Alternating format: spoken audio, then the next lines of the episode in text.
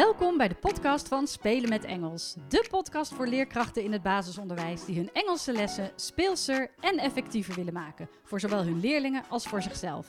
Mijn naam is Lauren en ik vertel je alles wat je wil weten over Engels. Hoe bedenk je inspirerende, afwisselende en communicatieve lessen? Hoe zorg je ervoor dat al je leerlingen betrokken zijn en blijven? Hoe wordt en blijft Engels een vast onderdeel van jullie onderwijsaanbod? Kortom, alles wat je wil weten over Engels op de basisschool. Ik wens je veel plezier met luisteren. Aflevering 43 alweer van het podcastkanaal van Spelen met Engels. En leuk dat je weer luistert. In deze aflevering gaan we het hebben over toetsen. Regelmatig kom ik op scholen waar de vraag wordt gesteld: hoe denk jij over toetsen? Hoe denk jij over de methode toetsen? Over woordjes leren, over grammatica? En die vraag krijg ik ook vaak via de mail of via leerkrachten die mijn online cursussen volgen. Dus ik dacht, laat ik daar gewoon eens even een podcast over maken. En hierin geef ik natuurlijk vooral mijn mening en de ervaring die ik heb gehad. Doe er je voordeel mee of doe er niks mee, dat is helemaal aan jou. Ehm, en ik wil ook gelijk adviseren: luister eens naar podcast aflevering 17 over woordjes leren.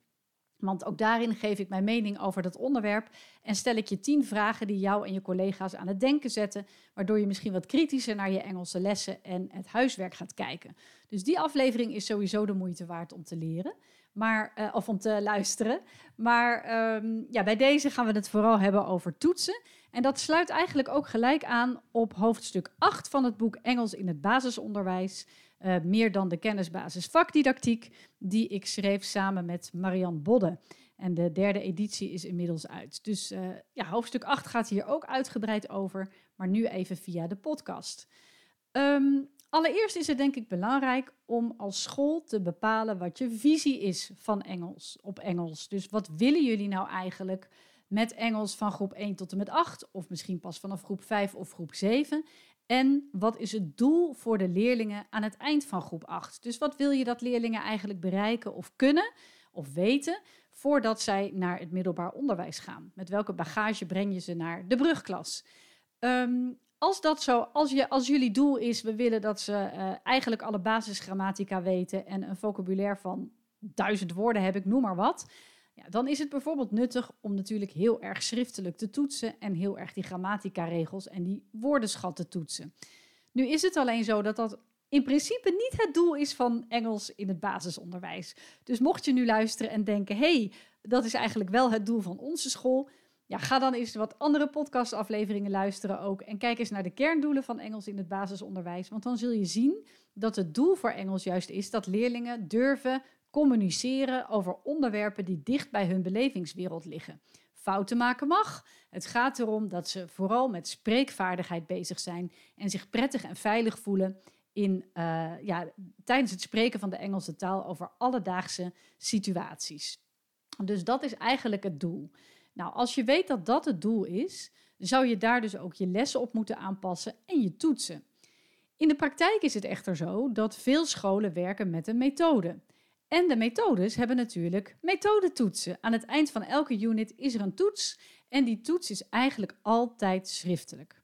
Ik ben nog geen methode tegengekomen, maar laat gerust in de comments achter of stuur me een mail als dat wel zo is, waarin juist de spreekvaardigheid wordt getoetst. Terwijl dat het doel is van Engels op de basisschool. Maar goed, de, de units of de hoofdstukken worden vaak afgesloten met een schriftelijke toets.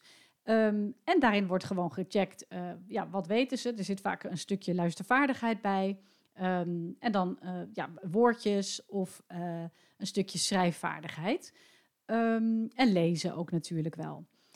Wat ik vaak te horen krijg van scholen is dat de luistervaardigheid meestal te makkelijk is. Dat is vaak multiple choice en leerlingen maken daar eigenlijk nooit een fout in of zelden een fout in. Dus is die luistervaardigheid al nuttig? Sluit het wel aan bij de belevingswereld of bij, de, bij het niveau van leerlingen? Ja, dat kun je natuurlijk afvragen. Maar allereerst is denk ik belangrijk de vraag: waarom toetsen we wat we toetsen? Waarom, maak, waarom doen wij deze toets? Het antwoord namelijk, wat ik vaak te horen krijg, is ja, omdat het in de methode zit. En dat is natuurlijk interessant, want vervolgens gaan leerkrachten lesgeven om de toets te halen. Dus waarom geef ik deze les? Omdat ze over drie weken een toets krijgen. Maar is dat nou echt de juiste manier om les te geven? Ik zal je eerlijk zeggen, ik heb dat zelf ook gedaan. Aan het begin van mijn uh, carrière als vakleerkracht Engels uh, werkte ik met Anglia en dacht ik ook, oh leuk, dan gaan we ook die Anglia-examens doen. En um, ja, dan hebben ze echt certificaat en alles. Nou, dat vond ik helemaal een goed plan. Maar wat ik vervolgens merkte toen ik daarmee aan de slag ging, in de bovenbouw dan vooral, ik merkte dat ik dacht, oh, die toets komt eraan, of die, dat examen. Ik moet nog van alles doen, zodat ze die toets kunnen. Ik moet nog het meervoud met ze oefenen. Ik moet nog de past simple uh, oefenen of de present simple. Ik ging dus eigenlijk lesgeven om die toets te kunnen halen. In plaats van dat ik gewoon les gaf en dat ik toetste om te kijken wat ze geleerd hadden. En dat voelde gewoon niet goed. Ik merkte gewoon dat ik dacht: hé, hey, ik ben nu eigenlijk een les aan het geven en nog een les en nog een les, zodat ze die toets kunnen halen. En volgens mij is dat de omgekeerde wereld. Volgens mij is dat niet de bedoeling. Volgens mij is het de bedoeling dat je toetst om te kijken wat leerlingen al hebben geleerd. Waar zijn ze goed in? Waar zijn ze minder goed in? En um, heeft mijn manier van lesgeven bijgedragen aan uh, ja, dat wat ze moesten leren? Uh, dus ik ben daar eigenlijk mee gestopt met die, um, met die Anglia-toetsen. Althans, ik ben er niet helemaal mee gestopt, maar ik ben er wel in die zin mee gestopt dat ik ging lesgeven om de toets te halen. Uh, dat, daar stopte ik mee. Dus ik stopte met de officiële Anglia-examens en ben gewoon uh, ja, ook proefexamens gaan doen of zelf toetsen gaan maken. Om vooral te kijken naar wat hebben ze tot nu toe geleerd. Dus dat is een belangrijke vraag om voor jezelf te stellen. Waarom toets ik en wat toets ik? Toets ik omdat het nou eenmaal zo in de methode staat en dus pas ik mijn lessen daarop aan? Of toets ik omdat ik wil weten waar leerlingen staan en wat ze hebben geleerd? Um, ik denk dat dat als je met de methode werkt, dat het heel goed is om daar even echt serieus naar te kijken. En dat je dan ook gewoon durft te zeggen tegen jezelf: ik ga stukken overslaan uit die toets van, die, van dat hoofdstuk. Want um, bijvoorbeeld een stukje grammatica, dat past helemaal niet bij de belevingswereld of bij de leeftijd van mijn leerlingen in groep 5 of 6. Ik wil helemaal niet dat ze letterlijk grammatica-regels uit hun hoofd gaan stampen, zodat ze die toets kunnen halen. Ik wil dat ze communicatief bezig zijn en een gesprekje durven voeren. En als dat betekent dat dat onderdeel van die toets dan niet wordt gemaakt, jammer dan. Of ik doe die dat onderdeel van die toets wel en dan kijk ik wel of ze daar wat van hebben opgestoken of niet. Maar ik ga er niet mijn les op aanpassen. Dus dat is interessant om dat eens met je collega's te bespreken. Nou, welke vormen van toetsen zijn er nu eigenlijk? Ook dat komt in hoofdstuk 8 van ons boek uh, naar voren. Um, en op zich ook wel weer handig om te kijken, ja, wat willen wij als school? Je hebt summatieve toetsen. En dat zijn afsluitende toetsen waarmee je echt het leerproces toetst. Dus ter controle. Het is echt bedoeld om een beoordeling te geven. En je hebt evaluatie als doel. Dus dat zijn die toetsen waar ik het over had aan het eind van een unit. Je beoordeelt, uh, dit is de woordenschat, dit is de grammatica, dit is de luistervaardigheid. En zo goed kan die lezen. En er komt dan een cijfer uitgerold en heb je een 8 voor uh, dat wat je in die toets of in dat hoofdstuk hebt geleerd. Dat zijn summatieve toetsen. Je hebt ook formatieve toetsen. Daarmee toets je de vaardigheden tijdens en aan het eind van het leerproces. Dus daarmee evalueer je. En zo kun je het leerproces bijsturen en verbeteren. Dus dan, is dan heb je de evaluatie als middel en niet als doel. Dan is er nog reflectie, waarbij je de sterke en zwakke kanten van leerlingen benoemt. Hè, en van jezelf misschien ook wel. En je hebt diagnostische toetsen. Daarmee um, onderzoek je eigenlijk het niveau van de vaardigheden van je leerlingen. Bijvoorbeeld voorafgaand aan een leerproces. Dat wordt ook wel een placement test genoemd. Dus bijvoorbeeld dat je zegt van nou, uh, van in groep 1 tot en met 4 hebben wij zonder methode gewerkt, maar vanaf groep 5 gaan wij met een methode werken. Dan wil ik eigenlijk aan het begin van groep 5 dat alle leerlingen een diagnostische toets doen, zodat ik een beetje weet op welk niveau ze zitten. En mijn uh, ideaal is dan dat je ook echt afzonderlijk de vier vaardigheden toetst. Want uh, Engels bestaat niet alleen uit woordjes, maar bijvoorbeeld uit leesvaardigheid, uit spreekvaardigheid, luistervaardigheid en schrijfvaardigheid. Dus die vier vaardigheden zou je dan moeten toetsen. Uh, dat is een diagnostische toets. Kortom, um, ga eens voor jezelf na. Welke vorm van toetsen doen wij op dit moment? Uh, toetsen wij formatief, dus puur een afsluitende toets, toets, wat hebben ze geleerd? Uh, nee, nou zeg ik het verkeerd. Sorry. Toetsen wij summatief. Dat is zo'n afsluitende toets waarmee je checkt wat ze hebben geleerd. Hè, ter controle, vaak met een cijfer. Toetsen we formatief. Dus willen we gewoon kijken hoe het leerproces is verlopen, zodat we kunnen bijsturen. Um, werken we met reflectie, dus dat leerlingen naar zichzelf kijken, wat heb ik geleerd, wat kan ik verbeteren en ook de leerkracht. Of toetsen we diagnostisch, dus voorafgaand aan het leerproces. Dat is echt wel, echt wel heel belangrijk. Um, doordat je die, uh, daar al verschil in maakt, kun je al met elkaar gaan afspreken, wat willen wij eigenlijk als school? Hoe willen wij toetsen? Het kan ook allebei. Hè? Je kunt ook zeggen, we beginnen aan het begin van het schooljaar met een diagnostische toets. Dan weten we een beetje waar de leerlingen staan. Uh, we doen summatieve toetsen, bijvoorbeeld aan de hand van eind, communicatieve eindopdrachten. Daar maakte ik ook een podcast over en dat is wel podcast aflevering 36. Um, dus hoe kun je uh, uh, ja, echte spreekvaardigheid toetsen en daarmee aan de slag gaan? En dan kun je eventueel nog ook een eind van een hoofdstuk toetsen. Dus of met een Anglia of, met een Anglia of Cambridge examen. Dus dat is dan een summatieve uh, toets. Ik ga ze vast nog een keer door elkaar halen, maar goed. Um, dus je kan een combinatie maken. Uh, maar het is vooral belangrijk dat je gaat kijken naar waarom doen we wat we doen. En ik denk dat het niet goed is als je je lessen gaat aanpassen aan, um, de, uh, ja, de, aan de toets die je doet. Dus dat is, dat is niet de bedoeling. Ga eens na wat nou eigenlijk het doel is van je Engelse lessen. Bij het leren van een vreemde taal is het toepassen van de taal veel belangrijker dan het uit je hoofd leren van woordjes en regels. Dus um, als jij inderdaad werkt met thema's en je hebt een communicatief einddoel, nou, dan is dat helemaal goed. Dus je hebt bedacht van, nou, leerlingen kunnen straks een presentatie geven of um, ze kunnen een gesprekje voeren of een dialoog hè, over een bepaald onderwerp. Nou, dat is dan heel goed. Maar als je daar vervolgens eigenlijk weinig mee doet en, doet en je gaat toch schriftelijk toetsen, dan komen de lessen weer niet overeen met de toets.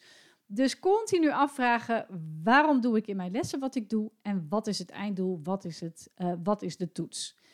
Um, ik wou daar nog wel wat over zeggen. Namelijk dat je als je die toetsen gaat geven en communicatie is het hoofddoel, dan moet je dus in je lessen je vooral richten op luister- en spreekvaardigheid. En ga dus ook werkvormen doen die die luister- en, spreekvaardigheid bevorderen, waardoor dat extra veel aan bod komt.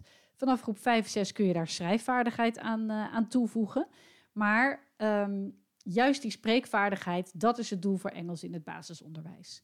Um, wat je dan kunt doen, want je wil bijvoorbeeld, het is makkelijker voor extraverte leerlingen om met die spreekvaardigheid aan de slag te gaan dan voor introverte leerlingen. Of leerlingen die Engels nog een beetje spannend vinden, maar echt wel hun best doen. Dus kijk eens hoe je daarmee kan spelen. Dus als jij zegt van, nou, ik ga inderdaad niet alleen of helemaal niet zo'n schriftelijke toets doen, want dat zegt niks over hun vaardigheden. Dat zegt vooral iets over hoe goed ze woordjes kunnen stampen of hoe, hoe goed ze grammatica, trucjes, regels uit hun hoofd kunnen leren. Ik ga meer aan de slag met die communicatieve eindopdrachten.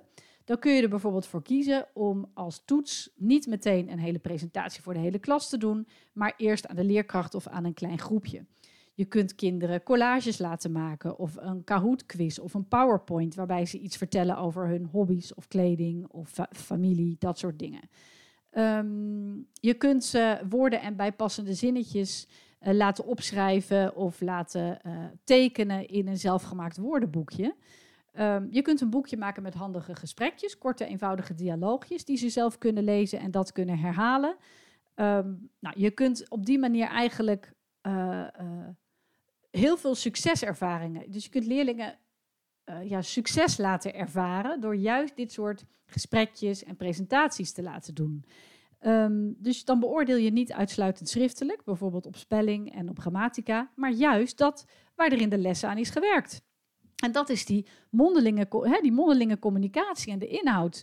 Dus um, dan is een criteria niet hoe goed spel jij dit woord of hoe goed heb jij de S achter he walks geplakt in een schriftelijke opdracht, maar uh, hoe goed heb jij antwoord gegeven op de vraag van jouw uh, klasgenoot?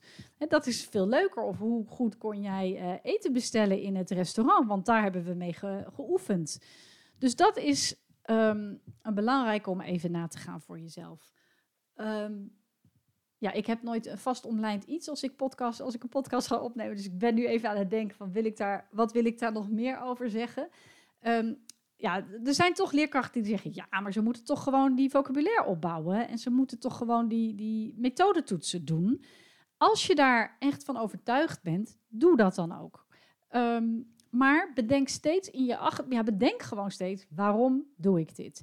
Ik weet bijvoorbeeld dat er veel scholen zijn die vanaf groep 5 al woordjes mee naar huis geven, huiswerk, eh, eh, ja, kinderen die woordjes moeten stampen omdat er een toets aankomt.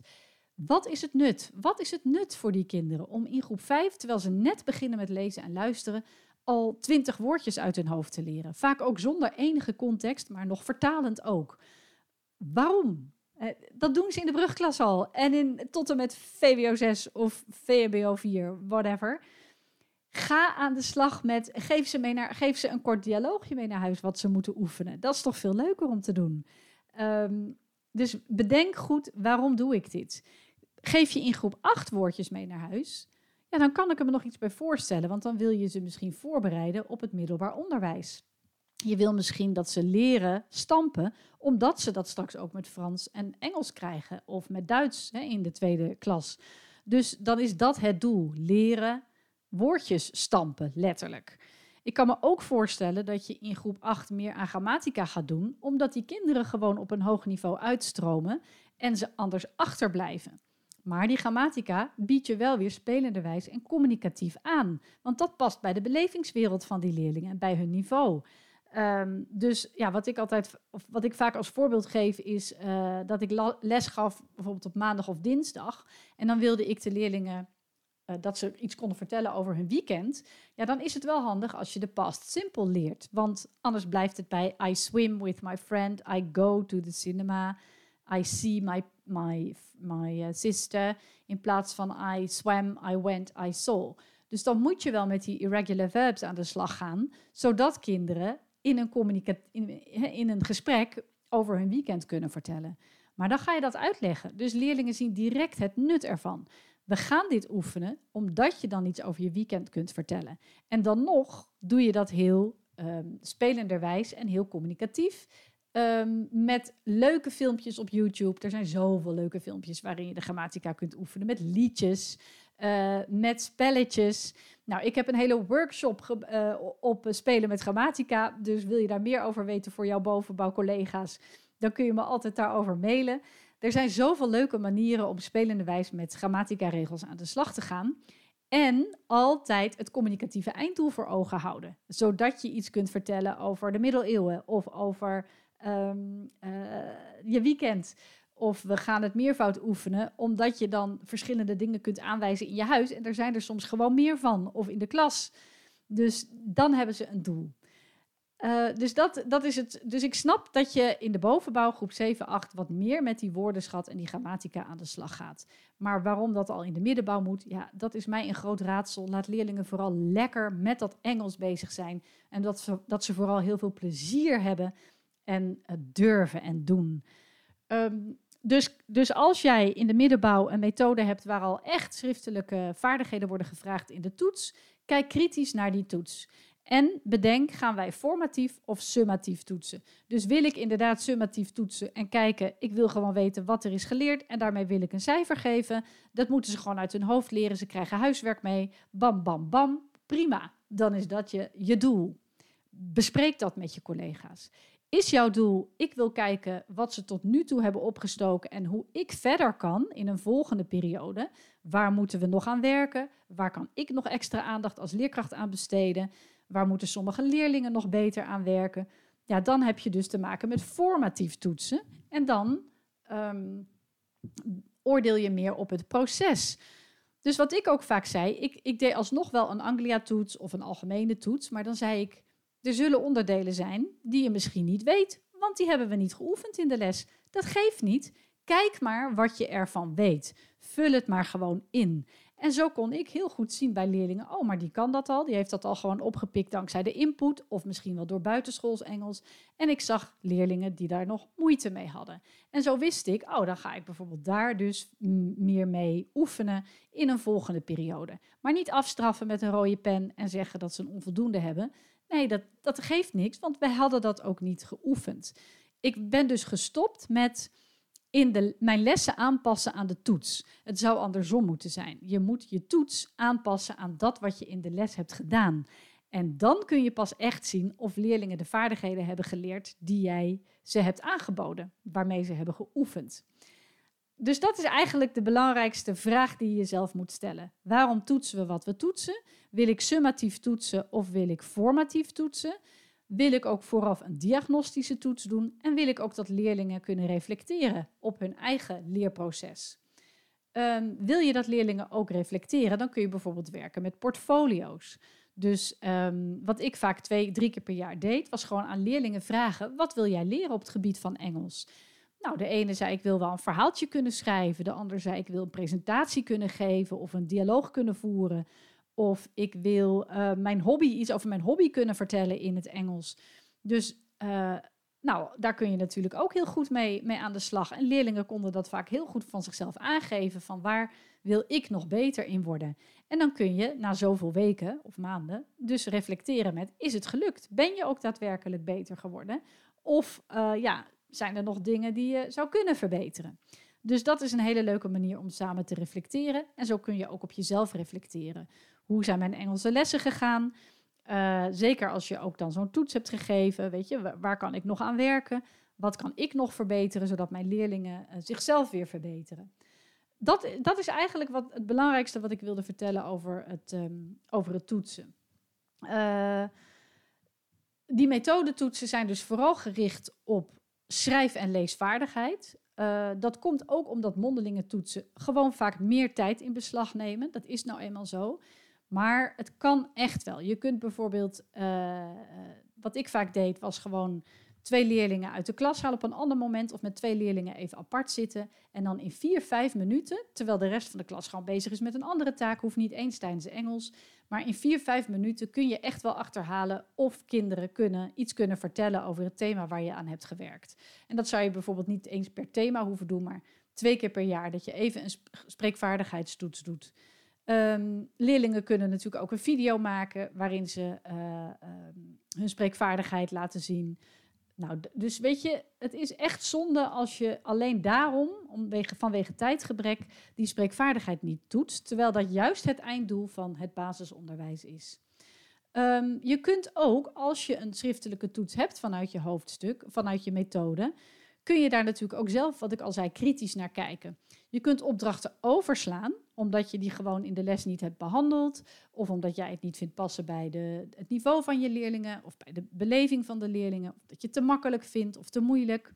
Maar je kunt ook misschien opdrachten heel snel uh, van een schrijfvaardigheid veranderen naar een spreekvaardigheid. Dus dat je even met ze gaat zitten en in plaats van dat je vraagt schrijf het eens op, dat je, dat je vraagt ja, spreek het eens uit. Dan heb je eigenlijk ook gelijk die spreekvaardigheid. Dus dat is ook een handige om te doen. Um, neem echt even de tijd om met je collega's hierover te gaan zitten en dit te gaan bespreken. Wat kunnen wij doen om die schriftelijke toetsen, als dat niet ons einddoel is, te veranderen in spreekvaardigheidstoetsen? Of kunnen wij misschien het toetsen helemaal skippen en het in een andere vorm, uh, in een ander jasje gieten, zoals die communicatieve einddoelen waar ik het over had? En hoe kunnen we dan afsluiten? Hoe kunnen we dat dan, um, hoe zeg je dat? Hoe kunnen we dat dan beoordelen? Dat vertel ik eigenlijk ook in mijn uh, tweede online cursus. Um, dan gaan we het hebben over rubrics.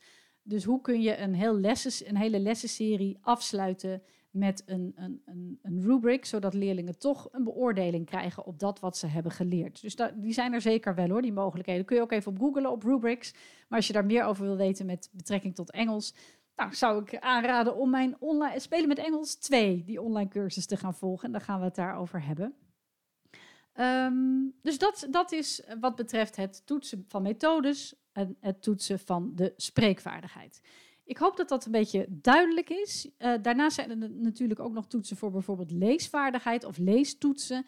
Daar kun je bijvoorbeeld denken aan um, een boekverslagen schrijven of een boekpresentatie geven.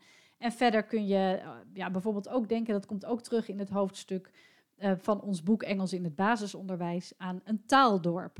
En dat is echt iets meer voor de bovenbouw. Nou, dat zou ik je zeker aanraden. uh, om een taaldorp te organiseren in groep 8, waarin eigenlijk alle vaardigheden en alle thema's aan bod komen en waar leerlingen echt met hun spreekvaardigheid aan de slag gaan en alles kunnen laten zien wat ze in de afgelopen jaren hebben geleerd. Maar daar meer over in het boek. Uh, en ook dat kun je natuurlijk googlen en dan kom je misschien ook wel ideeën tegen. Dus conclusie is: stel jezelf de vraag waarom doen wij wat we doen? Dus waarom toetsen we op deze manier? Uh, sluit dit aan bij hoe we lesgeven? Geven wij les zodat we een toets kunnen doen?